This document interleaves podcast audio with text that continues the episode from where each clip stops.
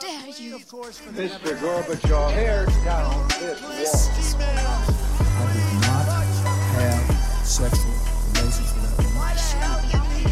Read my lips. Hell yes, we're gonna take your AR-15. It's your waiting I have a dream. Det er en ny uke, og det er eh, nye saker å ta tak i.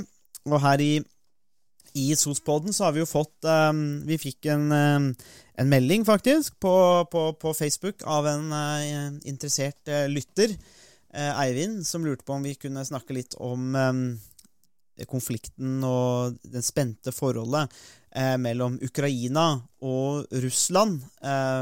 Litt sånn en, en liten sånn vind, eller hva skal vi si, blaff av det gamle øst mot vest eh, på, på mange måter. Um, og det hadde vi jo uansett eh, planer om, eh, Harald. Vi, også, vi kom jo også med en egen episode snart om kraft, en slags kraftspesial. Eh, men em, den blei litt utsatt, eh, så da, vi, da, da tok, vi, tok vi en eh, kanskje like viktig sak som høye strømpriser. Eh, Det at det kan bli krig i, i Ukraina mellom Russland, Ukraina og kanskje Vesten. Og det Ja, ja. Det, vi kan vel kanskje si at det faktisk er en litt viktigere sak på mange måter enn om strømmen koster 1,50 eller 2,50.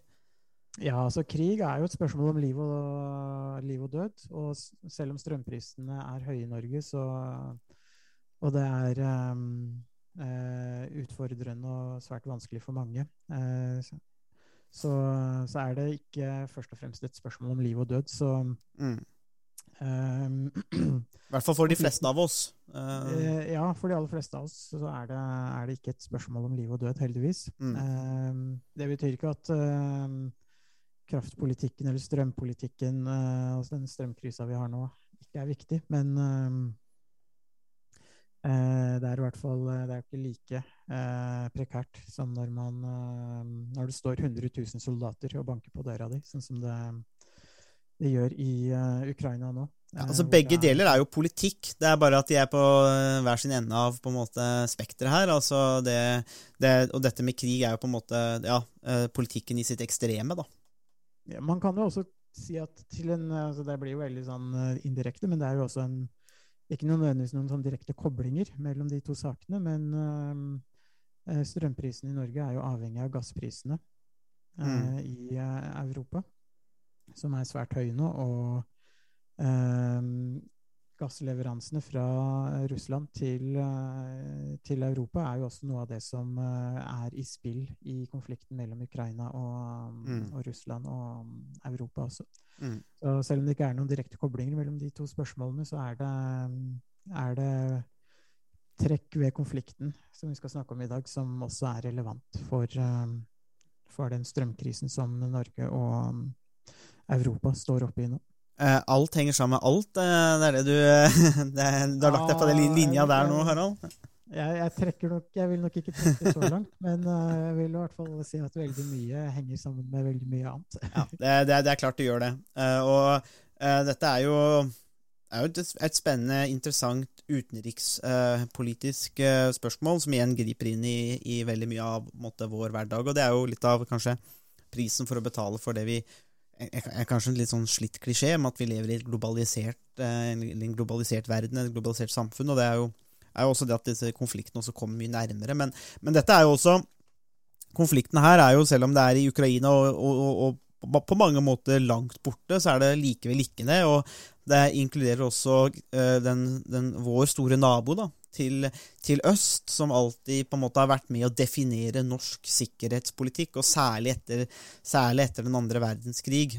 eh, Så har jo på en måte mye av vår utenrikspolitikk og sikkerhetspolitikk blir bygd opp rundt forholdet til eh, Russland. Hvordan er det vi håndterer det? og eh, Norge har jo også håndtert det da ved å egentlig være Nato-medlem og på, sitte på amerikanske garantier, være en god alliert. og eh, Dette har vært et viktig forhold. slik at eh, hva Russland foretar seg, er jo alltid av interesse eh, for Norge. Eh, og Det kan være seg i Ukraina eller på den kinesiske eller japanske eller, eller kinesiske grensene eller mot Japan og i, i, i havet der, og Canada og USA osv. Så, videre.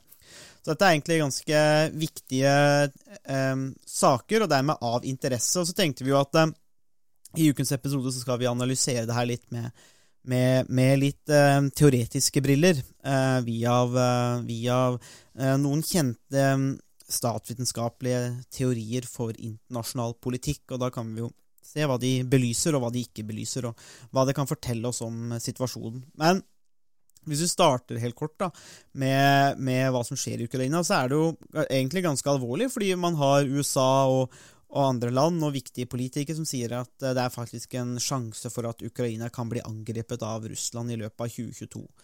Um, og Da er jo måte, spørsmålet hvordan har man havnet her, og, og, hva er utviklingen videre? Og Som du nevnte, Harald, har jo, Russland har jo da satt 100 000 soldater eh, på grensa, og det er relativt alvorlig, alvorlig, alvorlig utvikling. Eh, og Hvis vi bare tar et, et litt sånn kort historisk tilbakeblikk Man kan jo gå ganske langt tilbake her, men hvis vi ser litt mer i vår umiddelbare historie, så er det klart at Sovjetunionen og Sovjetunionens oppløsning spiller en viktig eh, rolle her, fordi at eh, dette superlandet, altså super da i, i, i, den betydning at det var enormt, eh, gikk jo oppløsning i 1991 eh, med reformene som Gorbatsjov eh, eh, satte i, i stand.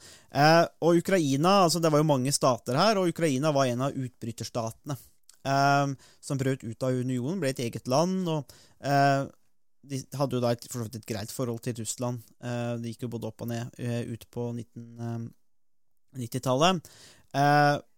men det er vel det at særlig dette med at Krimhalvøya, eller i Svartehavet, en viktig maritim base, område for Russland og deres um, innflytelsessfære, det ble også en del av Ukraina. Uh, dette var jo et problem, eller ble av mange også oppfattet som et problem i Russland. Samtidig har man jo hatt store ja, Man har hatt eh, stor del av befolkningen, særlig de som lever nærmere Russland, som er mer russisk vente, snakker russisk, ser på det som på en måte sin mer sånn naturlige sfære og område å reise til, og hvor de har slektninger osv., og, og språk og alt det de som de deler. Um, slik at dermed så ble denne delingen eh, også litt et problem. Og dette er jo litt sånn interessant, Harald, sånn bare hvis vi starter der litt sånn statvitenskapelig med stater. fordi eh, om noe så ser vi jo på en måte at Sovjetunionen eh, når den ble oppløst, da den ble oppløst, så, så, delte man jo bare opp med nye stater. Men det viser jo den konflikten vi har hatt siden, viser jo også måte, hvor kunstig, eller det vi også kanskje kaller grenser for sosialt konstruerte. altså Man kan jo trekke egne grenser, men de er jo avhengig av at andre respekterer disse grensene. eh, Og at eh, statsbygging og erkjennelse og, og, legitimitet det er ikke så helt enkelt da, når det kommer til på en måte, Det er ikke bare å sette ned en grense da, og si at ok, her står staten. Og det er jo en, en, en evigvarende politisk diskusjon, i hvert fall i statsvitenskap, er det ikke det? Jo, det, det, er jo et av de, de, grunnleggende spørsmålene. Og i dag så er jo stater eh, de, de, de, grunnleggende enhetene eh, politisk, både internasjonalt, men også eh, på mer eh, nasjonalt og lokalt eh, nivå også. Og det er egentlig bare, altså det er jo egentlig bare den entiteten, altså staten, som er den, eh, den en av de mest sånn bestandige eh, delene i det politiske eh, systemet. Eh, og noe av det som er interessant historisk, er jo hvordan ideen om hvert enkelt lands suverenitet har blitt en, en viktig brikke i internasjonal politikk, og hvordan internasjonal politikk mm. skal forstås. etter 30-årskrigen i Europa som kulminerte med eh, den såkalte Vestfalia-freden, eh, ble det bestemt at hvert enkelt land, hvert, hver enkelt stat, hadde fullstendig suverenitet over sine sitt geografiske område. det som er interessant, er jo at da de forhandla eh, Vestfalia-freden, så var jo partene så uenige og hadde så lite lyst til å møte hverandre at de faktisk satt i hver sin by eh, under forhandlingene. Så det var veldig avstand mellom partene var veldig stor eh, etter, at de hadde, etter at protestanter og katolikker eh, hadde forsøkt å ta livet av hverandre i, eh, i flere tiår i eh, Europa. Og selv om det var mye mer enn bare en religiøs konflikt, så, så var i hvert fall det religiøse elementet en viktig del. Eh, fordi at når eh, protestanter ble forfulgt i katolske stater, så hadde protestantene og protestantiske konger, eh, ledere i andre eh, kongedømmer, et ønske om å beskytte eh, protestantene eh, Mm. i de, eh, de områdene hvor de ble forfulgt, og, og vice versa, når katolske eh, grupper ble forfulgt i protestantiske områder. Så det gjorde at man intervenerte i hverandres eh, kongedømmer. Mm. Eh, og med freden i Vestfalia så ble det slutt på at eh, det ble eh, mulig eller lov eller tillatt eh, å intervenere i andre sine indre anliggender. Så hvert, hver enkelt, hvert enkelt kongedømme eh, og stat fikk da muligheten til å bestemme eh, og, og hadde politisk suverenitet innenfor det geografiske området som staten var, eh, var definert eh, innenfor. Mm. Det er nettopp eh, den politiske suvereniteten til Ukraina som står i spill først og fremst i konflikten mellom Ukraina og Russland, som på mange måter også handler om eh, i hvilken grad Russland kan påvirke politikken i landene eh, rundt seg. Eh, og Russland ønsker i stor grad å ha en uh, sterk innflytelse over uh, ukrainsk uh, politikk. De ønsker et samarbeid og sier egentlig at hvis dere ikke vil samarbeide med oss, så skyter vi dere. Mm. Så det er en ganske sånn det, er ikke, det er ikke så veldig subtilt. Mm. Det er ganske direkte. og spørsmålet er egentlig om Ukraina skal ha lov til å bestemme selv om de ønsker å nærme seg Vest-Europa, EU og Nato, eller om Mm. de vil samarbeide med, med Russland. Og Russland vil uh, gjøre uh, alt de kan for å unngå at Ukraina beveger seg, uh, seg vestover. Mm. Eh, Det er jo her vi Ja. Ja, vær så god. Ja, nei, Det er jo her vi har hatt denne eh, utviklingen sant, i Ukraina helt siden presidentvalget 2004, eh, med Viktor Jutsjenko som eh, da sto mot, eh, mot eh, Janukovitsj, eh, som da var mer Russland-vendt. Dette valget ble jo en slags fiasko. Det ble jo opprør. Vi fikk denne oransje revolusjonen, som uansett signaliserte at eh, ukrainerne ikke var happy med, og ikke var fornøyd med at eh, noen forsøkte å kuppe valget, og at dette måtte skulle lenes mot Russland eh, på den måten. Slik at vi, vi får på en måte denne starten her i 2004. Um, men, men så er jo problemet som mange forskere har pekt på, det er at i Moskva så aksepterte man jo ikke at denne revolusjonen var en ekte folkeoppstand. Altså at det at faktisk at ukrainerne faktisk følte det på den måten. Um, og da er vi litt inne i det du nevner, Harald, ikke sant, med at uh, dette har jo på en måte ikke blitt godtatt. Altså De indre anliggende i Ukraina har jo ikke blitt godtatt i Moskva, i Kreml. Eh, det- at det er dette ukrainerne vil. Um, og da forsøker man å intervenere og, og gripe inn i disse indre anliggende i Ukraina. Og dette har vi da sett um, videre. Uh, Janukovitsj vant jo valget i 2010. Um, eh, Tilsynelatende uten noe kuppforsøk eller noe uærlige midler. Um, men ble likevel da også pressa av eh, Moskva og Russland eh, med å ta avstand fra Nato, og man ville på en måte ha ikke den, at det skulle ha denne vestlige eh, innflytelsen. Og dette ble jo da også mer trøbbel i 2013, da, da Janukovitsj ville undertegne en samarbeidsavtale med EU. Eh, og hvor da Putin la all sin tyngde på å måtte få drept denne tilnærmingspolitikken og eh, prosessen. Og så eh, fikk vi jo da altså opprør i 2014 i Kiev, eh, med rundt 100 demonstranter som døde. Eh, rundt 20 politifolk, da, eller, eh, og som også eh, døde der, så man fikk en del sånne voldelige hendelser. Eh, og da fikk vi også dette narrativet igjen fra Putin og Moskva og hans regime om at dette er noe Vesten eh, driver og orkestrerer bak. Altså at de driver og Man tror ikke på at ukrainerne faktisk er i stand til å ta sine egne valg, antageligvis, og har lyst til å stille seg fritt i hvordan de, eh, hvordan de eh, tilnærmer seg ulike land. Og så vil Russland gjerne eh, intervenere. Eh, og dette er jo dette vi da har sett med denne hva skal vi si, overtagelsen, maktovertagelsen, annekteringen av Krimhalvøya, som Russland både har støtta direkte og indirekte. Um, og det er jo der vi står eh, i dag. Eh, Russland eh, vil jo sikkert være en mektig stat og aktør, og Ukraina har lyst til å gjøre litt mer som de vil. og Vi får også eh, store konflikter innad i Ukraina, for det er klart det er jo folk som også vil til Russland her, eller har en sterkere russisk identitet enn de andre. Eh, og så får man spørsmålet hva gjør man da med denne staten? Men da er vi også inne i denne analyseenheten som du nevnte, Harald. fordi om ikke Vestfallen hvert fall gjorde at det ble ulovlig å intervenere i andre stater. Man gjorde det likevel på ulike måter. Eh, men man fikk i hvert fall etablert prinsippet om at man, eh, at, at eh, man, ikke skulle intervenere, og at staten ble hovedaktøren. Det er egentlig den utviklingen som skjer, at staten blir hovedaktøren. Og da går vi jo inn i dette som eh, ofte oppsummeres som kjernen da, i, i, den såkalte realismen, som egentlig er et fryktelig dårlig navn for denne teorien. Eh, jeg har aldri likt det, men, og det gir jo en slags falskt bilde av at realismen har et realistisk syn på internasjonal politikk, men det er jo egentlig feil. Det er jo en, en, en litt sånn feilbenevning der. Men den såkalte klassiske realismen, da, eh, hvor vi har disse tre s-ene, som vi kaller det, statism, survival og self-help på engelsk, men at det er staten som hovedaktør. Eh, målet er å overleve.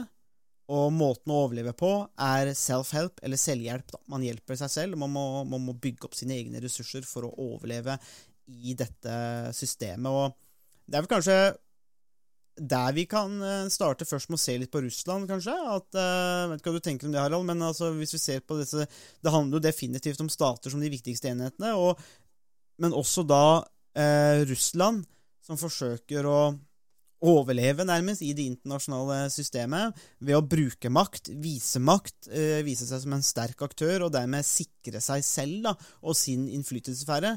Eh, og det, Der har vi jo kanskje et interessant perspektiv da, eh, på denne konflikten med, med, med, stater som søker å overleve, og de kommer til å agere deretter. Det er rasjonelt for dem, og dermed så får vi denne type politikk. da. Ja, det, det, som, eh, det, som, er rasjonelt uh, for Russland i den situasjonen her, kan man jo også si er uh, at det er jo, som du var inne på, et spørsmål om overlevelse for den russiske staten.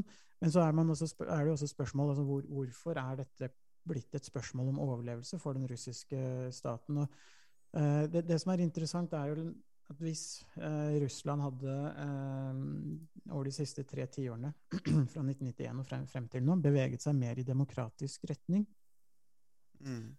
eh, så eh, ville ikke konflikten og situasjonen med Ukraina vært, så eh, så eks vært en eksistensiell eh, trussel, sånn som det er nå. fordi det, i et sånn realistisk perspektiv så handler det om overlevelse fordi Russland eh, ønsker eh, å opprettholde eh, den type stat som de har nå, som er udemokratisk, og hvor det, er, hvor det ikke er noen politisk opposisjon, og hvor staten har stor kontroll over egentlig alle deler av samfunnet. Mm.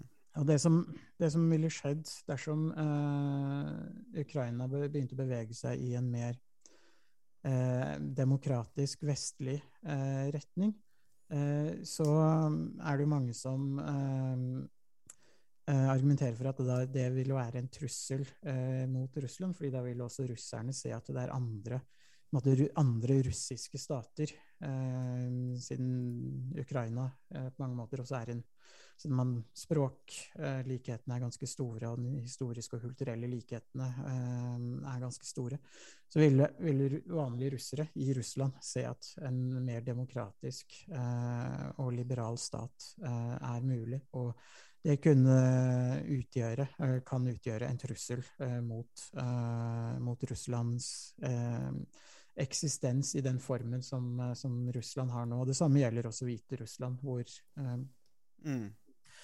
Eh, Putin eh, har gitt ganske sterk støtte til eh, Lukasjenko, som er president i, i Hviterussland, etter at han tapte valget i, i 2020. 2020. Mm. og det ble store demonstra demonstrasjoner og protest, protester. Så det mange sier, er at Russland er redd for, et, for å få ikke nødvendigvis Nato og EU nærmere seg men, i, sånn i seg selv, men i å få velfungerende demokratiske stater um, i, i, nærheten.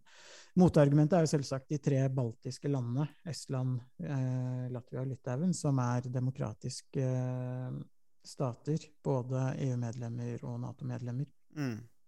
Men samtidig så har ikke de nødvendigvis det samme språkfellesskapet eh, som, eh, som Russland er i tillegg mye mindre stater, og det er ikke sikkert de, de er gode eksempler eh, sånn sett. Og det har Mm. også vært del av det eh, polsk, eh, litauiske eh, empi, empirie, em, eh, imperiet Ja. eh, fra etter Eller store deler av 1617 og deler av 1800-tallet. Mm. Så det er på en måte ikke den samme politiske Det er ikke så tett knytta politisk til, til Russland som det kanskje Ukraina og, og Hviterussland her. Så sånn sett så er det, så er det her en eksistensiell trussel eh, mot eh, Putin sin eh, styreform i, eh, i Russland, først og fremst.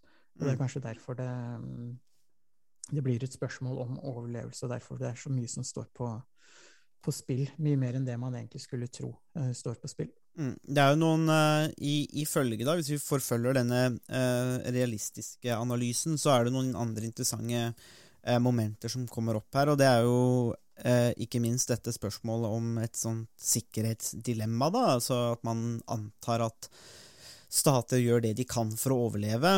og det fører til at de ruster opp og de forsøker å sikre seg, men idet de gjør det, så bidrar de også til å skape usikkerhet. Eh, det som er interessant med akkurat dette poenget, tror jeg er at vi kan bruke det på ganske godt på Russland. eh, Og hvordan Russland forsøker å ruste opp og sikre sin egen eksistens og makt i, i det internasjonale systemet. Eh, Dette skaper jo da et sikkerhetsdilemma f.eks. mot Vesten. da. Eh, Når man ser at Russland ruster opp, eh, så ser vi at Sverige f.eks. sender militære styrker igjen til Gotland og åpner baser der for å, som en slags signal på denne, på denne russiske opprustningen. Eh, vi, vi skal likevel, da, i rettferdighetens navn, snu på det òg, og si at, eh, at eh, Nato og Vesten har jo ikke akkurat gjort eh, så mye for å ruste ned de heller, og Nato har jo ekspandert inn i de områder som tidligere var under russisk innflytelse. Eh, slik at det samme argumentet kan jo vendes andre veien og si at eh, det, det at Nato har beholdt sin sterke posisjon, man har USA i spissen, som også har vært ganske Altså, ja, ikke, altså, USA jo, har, driver jo stort sett med krig, eh, og har gjort det i mange mange år nå. Det er jo ingen vei utenom det. Eh, og man har mange atomvåpen, man har store militærprodusenter, og man ekspanderer Nato inn i innflytelsessfæren til Russland. Eh, så kan man også se på det, og så kan da Nato og Norge si at dette gjør vi for å sikre vår egen sikkerhet. Men når vi da tar dette realistiske argumentet om sikkerhetsdilemma, så ser vi hvordan det kan snus begge veier, og hvordan Russland da kan reagere på Natos ekspansjon ved å, ved å da føle seg usikre. Så det, det er jo en, en, en slags eh, på en måte slags paradokser, da, hvor Vesten og Nato søker å sikre seg selv, eller sikre sine områder, men i det arbeidet gjør Russland mer usikre og føler seg truet, og dermed så føler Russland at de må ta noen grep for å sikre sin innflytelsesvære og føle seg sikre, og dermed så har man dette paradokset gående, da, og det er jo en interessant innsikt, synes jeg, da, fra realismen. Hvis man kjøper dette, eh, akkurat dette argumentet der, så tenker jeg at det, kan, at det, det, det fungerer eh, som et perspektiv da, på å forklare hvorfor vi får denne opprustningen som ingen er tjent med, ehm, men som vi likevel havner i, da. Ja, det, det som er litt spesielt med Nato, er at det er en såkalt åpen uh, allianse, hvor det er mulig uh, for andre uh, land å eh, søke medlemskap. Eh, og det, det gjør at eh, eh, Nato på en måte er delvis forpliktet til eh, å ta opp nye medlemmer, gitt at medlemmene tilfredsstiller kriteriene og kravene som, som stilles, men også at det på en måte er hensiktsmessig og tjenlig for både USA og resten av de eksisterende Nato-medlemmene. Og, og der er det jo, var det jo en ganske rask ekspansjon etter Mm. Um, 1989-oppløsningen av Warszawapakten. Um, og det som er litt spesielt med mange av de østeuropeiske landene, er jo også at uh, mange uh, av de, de landene opplevde um, Warszawapakten eh, mer som en trussel og som et um, en eh, allianse som um, var med på å skape en slags sovjetisk, et slags sovjetisk overherredømme. Um, og um, det, det, som også er litt spesielt med Warszawapakten, er jo at uh, ved to anledninger i Ungarn og Tsjekkoslovakia uh, så ble russiske eller sovjetiske styrker brukt for å slå ned uh, pro mm. politiske protester under den kalde krigen. Så eh, Warszawapakten er en av de eh, få, eh, eller egentlig den eneste alliansen som jeg vet om, som har brukt måte, egne styrker på å slå ned eller på å bekjempe eh, indre eh, anliggender. Eh, og det er noe som, som skiller eh, Nato og Warszawapakten, og som gjør at mange av de østeuropeiske landene hadde et sterkt ønske om å fjerne seg fra mm. det som var Sovjetunionen og ble, ble Russland. Eh, etter oppløsningen av, eller etter den kalde krigen var over i 1989. Ja, men, ja, og Det er jo, er, er jo, et godt poeng, og vil jo på en måte forklare en, en forskjellig tilnærming til disse. Men, og så tenker jeg likevel da at eh, hvis vi, eh, hvis vi forfølger dette argumentet, så, så og, og det, det, tenker jeg er litt viktig noen ganger, i hvert fall når det kommer til altså Hvis man vil forfølge denne realistiske analysen, så må man likevel være klar på at um, i, hvis man uh, i, en, i, et, i et internasjonalt system eh, hvor eh, Og det skal vi nå se litt videre på. Hvor enten A. Mennesker er satt sammen slik at de søker makt. Uh, og dette overfører man da til stater, og hvis man gjør det, så vil hver eneste stat forsøke å maksimere sin egen makt og fremme sine egne, inter in egeninteresser, fordi de ønsker å overleve i, i samfunn, i det internasjonale systemet, og ha så mye makt som overhodet mulig. Eh, vel, da gjelder uansett det argumentet begge veier, og det er i hvert fall noe som jeg tenker er noen ganger er litt problematisk, er at man kan det er noen ganger at denne analysen blir normativ, altså det man sier at Russland er ondt, Uh, og dermed så gjelder ikke den samme analysen der. altså Man, man utelukker muligheten for at Russland kan oppleve, seg, oppfølge, oppleve det som truende, uh, denne ekspansjonen. Og Det er jo ikke noe forsvar for den ene eller andre siden. Det er bare å er, erkjenne at analytisk så kan vi jo se hvordan denne dynamikken kan gå begge veier. men dette er jo det klassiske realistiske argumentet. da. kanskje best formulert av Hans Morgenthau. Uh, dette kom ut av en, en, også en, en, litt sånn religiøs uh, retning, eller perspektiver, sammen med Reinhold Niebuhr, um, og artikulerte en, et sånt ganske sånn pessimistisk syn på mennesker, men dette at de søker makt. Og det er vel også noe du for så vidt er, er enig med perspektivet du er enig i, Harald. og så er poenget det at man ut fra det perspektivet så ser man på at stater fungerer litt på den samme måten. da, At eh, stater ønsker å maksimere sin egen makt, fremme egeninteresse, og egeninteressen er definert i form av makt. Uh, og makt er også en relasjonell komponent, eller et relasjonelt aspekt. Det vil si at man jo, har makt i, forhold til andre, i, i relasjon til andre. Dermed så kommer dette maktbalanse Eh, perspektivet inn. da. Eh, hva tenker du om dette, denne mer sånn klassiske Vi skal sette det opp mot å sette i kontrast med strukturell realisme, men denne klassiske realismen Mennesker eh, er satt sammen slik at de Det lukter jo machiavelliansk tankegods her. Ja. nei, altså det er, det er ikke noe tvil om at makt både mellom mennesker og personer og mellom stater er, er svært viktig.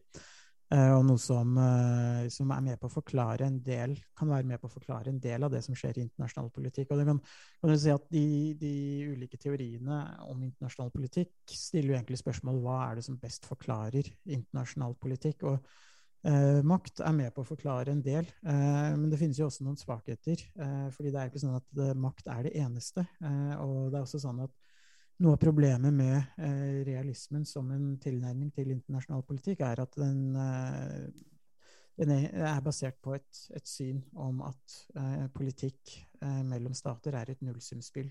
Mm. Så enten så vinner jeg, eller så vinner du. Mm.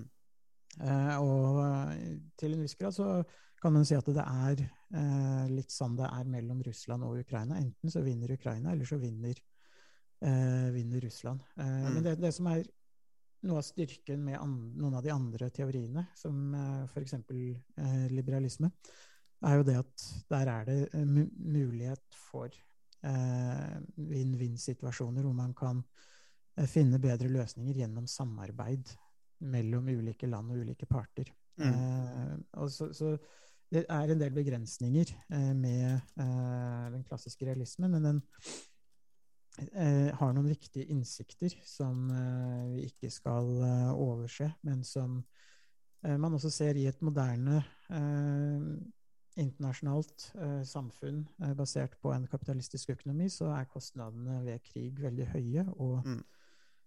sam, gjennom samarbeid og vin -vin, forsøke å finne vinn-vinn-løsninger, så kan man unngå konflikter, og man kan i større grad skape et samarbeid, selv om selv om makt eh, er, eh, er svært viktig. Mm. Vi skal, jeg tror vi skal se på det i en vi, skal, vi, lager nok en del to episode av del to av dette temaet, hvor vi kan se på f.eks. liberalisme og det mer konstruktivistiske synet. men vi kan også for, for, for, den del dra inn det marxistiske. men det er for mye å ta her, tenker jeg, når det kommer til det, det såkalte realistiske. fordi her er det mye som er interessant, og det er nettopp dette med eh, For du er inne på det, Harald, at eh, selv om, selv om makt er viktig, så er ikke makt alt. Eh, mens f.eks. Morgenthau, da, som artikulerte med den klassiske realismen, så var på en måte synet at politikk er styrt av lover som er skapt av menneskets natur, og så blir disse mekanismene. og det har jo vist seg å være litt for enkelt, kanskje. eller det blir, det, Man setter jo opp et slags kausalitetsforhold eller her som på en måte ikke ser ut til å eksistere. da. Eh, men dette fikk jo da en, en, respons på i realismen selv, da, særlig gjennom Ken Waltz eh, i sin Theory of International Politics. og Der kom dette fokuset mye mer fram på at det internasjonale systemet er et anarki. Eh, som fører til dette eh, systemet med selvhjelp hvor man søker å overleve og balansere makt. Um, og Det tar oss på en måte mye nærmere denne strukturelle realismen. og Der er, er ikke antagelsen at det er menneskelig natur, men det er det anarkiske systemet som skaper frykt og usikkerhet. Så det er ikke Putin og andre russeres onde natur eller søken etter makt som bare driver Russland framover etter å søke makt, men det er det anarkiske systemet. Det at det ikke finnes en, en, en Leviathan som sitter og styrer over, men det at stater hele tida må kjempe seg mellom, og makt eh, seg mellom, det er det som fører til eh, fører til dette, da. Eh, og, og Waltz og andre da, er jo da klare på at denne relasjonelle biten, da, dette med distribusjon av makt, er en sentral variabel. Men det er ikke kausalitet, det er ikke et kausalt forhold. Det er ikke sånn at er, makt er automatisk konflikt. Eh, eller nullsumspill, som du er litt inne på, Harald. Men det er en viktig variabel. Eh, og dette anarkiet tvinger fram da dette synet med at stater må maksimere egen sikkerhet og maktposisjon relativt til andre. Og Der har vi jo en litt da annen inngang ikke sant, til dette med, med, med, å forstå konflikten. fordi at vi kan trekke det et steg videre til defensiv realisme og offensiv realisme, som eh, da spiller på at enten så, så, så, ønsker stater å maksimere sin egen sikkerhet, og det mest stabile systemet er da et bipolart system, eller det vi så under den kalde krigen. Eh, men så har man også den offensive realismen, som spiller på mer at eh, stater ønsker å maksimere sin egen makt. Um, og, da kan man jo ha en slags global hegemon da, som også, som også styrer. Men, men, her har vi litt annet perspektiv, da, eh, i, i, form av realismen. Det er ikke menneskets natur som styrer, men det, er men det er anarkiet som gjør at vi havner i den situasjonen. Og det er jo en, en interessant analyse, det òg, eh, for å forstå konflikten mellom Ukraina og Russland, men også kanskje eh, vestlige land, med USA i spissen, og kanskje også Kina, at eh, man har denne, hele tida denne maktkampen. Um, men det impliserer jo et slags nullsumspill, som du er inne på, Harald. Så jeg vet ikke hva du tenker om denne mer strukturelle realismen som en forklaringsmodell, eller teori, på, på, konflikten mellom Ukraina og Russland? Ja, altså jeg, jeg syns det er viktig, en viktig uh, presisering. fordi det som er noe av problemet med den klassiske realismen er jo så det at uh, man starter med maktperspektivet uh, med utgangspunkt i menneskets natur. Men uh, stater er ikke mennesker mm. og har ikke noen natur på samme måte som, som mennesker har. Så man kan ikke overføre det som har en viss gyldighet for mennesker, til å gjelde stater. For Stater har helt andre eh, behov, og de har, er ikke måte, enhetlige, rasjonelle aktører på, mm. på samme måte som, eh, som en eh, person i større grad, eller et menneske i større grad, eh, har eh, kan, kan, være, i hvert fall snevert sett, litt rasjonelt i forhold til å finne den mest effektive måten å, å nå et mål på. Så den, den anarkiske eh, maktstrukturen er en veldig viktig presisering av hvordan det internasjonale politiske systemet fungerer. og det er jo også det som, som, gjorde det mulig i 2014 for Russland eh, å rett og slett bare annektere Krimhalvøya. Eh, fordi at det er ingen som kan stoppe dem, sånn i prinsippet. Med mindre man bomber eh, Moskva og hele Russland tilbake til, eh, mm. til steinalderen. eh, man kan gjøre noe gjennom økonomiske sanksjoner, og det ble jo gjort. Eh, men de sanksjonene har ikke eh, var ikke veldig dramatiske i forhold til f.eks. For de eh, sanksjonene som Iran har vært gjenstand for mm. tidligere. Eh, og Russland har jo også gjort mye for å unngå at eh, sanksjonene skal ha stor eller sterk effekt. men altså det er jo også, noe av det som er interessant, er jo at Eh, de siste, siste ti, eh, ti, årene, eller spesielt etter 2014, så har jo den økonomiske veksten i Russland vært veldig svak. Um, mens den har vært mye sterkere i Vest-Europa og USA, som på en måte er motstanderne til, uh, mm. til, Russland. for å si Det sånn. Og det som er interessant med det, er jo at økonomisk vekst uh, gir uh, høyere skatteinntekter og mer makt til hver enkeltstat, og muligheter for å investere i eh, militært utstyr som man kan bruke til å, til å forbedre sin egen sikkerhet. Mm. Så Russland, eh, som har et bruttonasjonalprodukt på størrelse med Italia, eh, med en dobbelt så stor befolkning som eh, Italia omtrent, eh, har en ulempe eh, ved at de på en måte har fjernet seg noe fra det internasjonale samfunnet gjennom annekteringen av Krim i 2014 som egentlig er med på å eh, opprettholde sikkerhetsdilemmaet for, uh, for, Russland. Og det er på en måte noe som er litt interessant, for det, det viser egentlig noe at det er litt, på en måte at det er litt irrasjonelt, det som uh, Russland uh, gjør. Fordi det, det, det, svekker også både, både, økonomien og sikkerheten til, til Russland. Mm. de må bruke dobbelt så mye av BNP for å opprettholde et tilsvarende eh, forsvar, som om de skulle hatt det samme som, eh, som USA eller andre. Eh, så mm. det gjør det dyrere å opprettholde forsvarsevnen. Mm. Og Det er jo også lite, lite sannsynlig her at uh, man vil gå til en invasjon av Ukraina, for det er kjempedyrt. Uh, og er det noe invasjoner av Irak og Afghanistan har vist oss uh, de siste 20 årene, så er det da at det er jo skikkelig underskuddsbutikk. Både med tanke på hvor mange som dør, men også økonomisk. altså Det du får ut av det, eh, er veldig lite. og den der, den, De gamle tidene hvor man på en måte kunne møtes litt på slagmarken og ta landområder fra hverandre, den er på en måte forbi. Eh, slik som så det, det, det, der mer sånn romantiserte synet som man kan finne i filmer og serier, og sånn, det er på en måte ikke Det er vel, det er vel da et lite realistisk syn, egentlig, eh, på hvordan politikk og realiteten er. Men Og det skal jo sies da, helt til slutt der, at jo, vi har vært inne på noe av denne kritikken av det realistiske perspektivet. Det, du var inne på dette med feilaktig syn på menneskets natur. Eller det å på en måte tenke på stater som mennesker og samme natur. og det, i, i, hvilken grad kan man gjøre det? men Derfor fikk man jo også noen fornyelser av dette med, med, med Morgenthaus perspektiv. da. Eh, og så er det noe av det, vi skal, kan snakke om eh, i del to av dette temaet, er jo det mer den liberalistiske kritikken, f.eks., eller den konstruktivistiske kritikken, hvor man da sier at ja, anarki, uh, det er det jo, men det er på, men anarki er det stater gjør det til, da, som er den kjente presiseringen fra Alexander Wendt. At det er, ikke, det, er ikke, det er, ikke, gitt at selv om det er anarki, så må det være nullsumspill, eller det må være konflikt, eller stater må søke å dominere hverandre. Eh, man kan finne andre løsninger på dette, noe som du var inne på i stad, Harald. Det er mulig selv i et anarki å etablere eh, eh, vinn-vinn-situasjoner. Eh, og nå snakker vi om anarki som fravær av suveren, altså en suveren altså en, og en myndighet som står over. Eh, anarki er jo ikke ensbetydende med kaos. Eh, det er det jo ikke. Eh, men det mangler en sentral myndighet som står over. Da. Men det, så det finnes noen andre perspektiver på akkurat hvordan, vi, hvordan man håndterer dette. Da.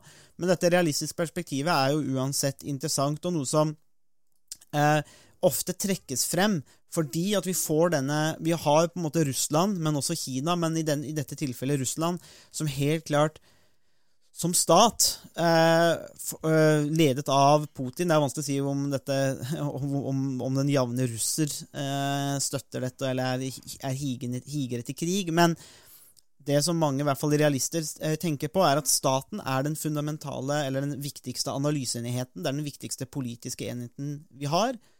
Og Russland ser ut til å forsøke å maksimere sin egen makt. Og hvordan er det de gjør det? Jo, eh, de annekterer Krimhalvøya, forsøker å influere og gripe inn i andre staters anliggende og sikre sin innflytelsesfære. Eh, og det er, er natur, en naturlig konsekvens av anarkiet og søken etter makt. Og det, eh, det er, vi skal ikke ta stilling til om det er en korrekt analyse eller om det er en fasit, men det er i hvert fall en elegant analyse av dagens konflikt som jeg tror kanskje mange i hvert fall vil finne overbevisende. Ja, absolutt. Og det, det, er en analyse som, som gir eh, stor mening. Eh, og er kanskje eh, en av de altså Hvis man ser på de konfliktene som har, man har sett i verden de siste tiårene, så er kanskje den konflikten mellom Ukraina og Russland er kanskje en av de konfliktene hvor realismen i, i større grad er en, en god forklaringsmodell i forhold til til andre, andre, konflikter. Så den har kanskje noe mer for seg i denne konflikten enn noen av de andre konfliktene man har sett i verden de siste, siste tiårene. Og det er litt sånn hvis man skal kritisere realisme, så kan man også si at uh, i, under middelalderen så var det jo, og i antikken så var det på en måte en forretningsside mm. uh, å uh, gå til krig mot naboene. Eh, fordi det var den måten man kunne eh, oppnå eh, rikdom på. og alle vikingraidene på Storbritannia og Frankrike var jo et eksempel på hvordan man kunne oppnå rikdom ved å angripe naboene sine. Mm. og i, i, i, det moderne statssystemet, så, så, er det ikke like opplagt at det å gå til angrep på en, en, en annen stat er en god idé. At er, man vil komme styrka ut av det. Og mm. som du var inne på, Sondre, de eh, eksemplene man har med USA i de siste 20 årene, eh, i Afghanistan og Irak, eh, viser jo at det på absolutt omtrent alle mulige tenkelige måter, både økonomisk, eh, militært, eh, politisk, menneskelig og humanitært så det, har det vært et tapsprosjekt for egentlig alle eh, involverte. Mm. Og Det er også noe av det som gjør at det kanskje er mindre sannsynlig i dag at man får en full invasjon av Ukraina, men at man kanskje får det som Putin selv kalte militærtekniske uh, tiltak eller løsninger som kan uh, innebære ulike former for hybridkrig som vi også har sett i uh, de østlige delene av Ukraina siden uh, mm. 2014. Det er rett og slett for dyrt å invadere et så stort land som, som Ukraina.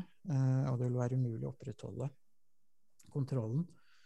Um, og det gjør at man må, må iverksette andre former for krigføring, om det er bombing eller mm uh, delvise innovasjoner eller uh, hva det måtte, måtte, være. Det vil vi jo finne ut av. Ingenting som, ingenting er som eufemismer for, for, for, krig. Og så får vi se. det er jo interessant.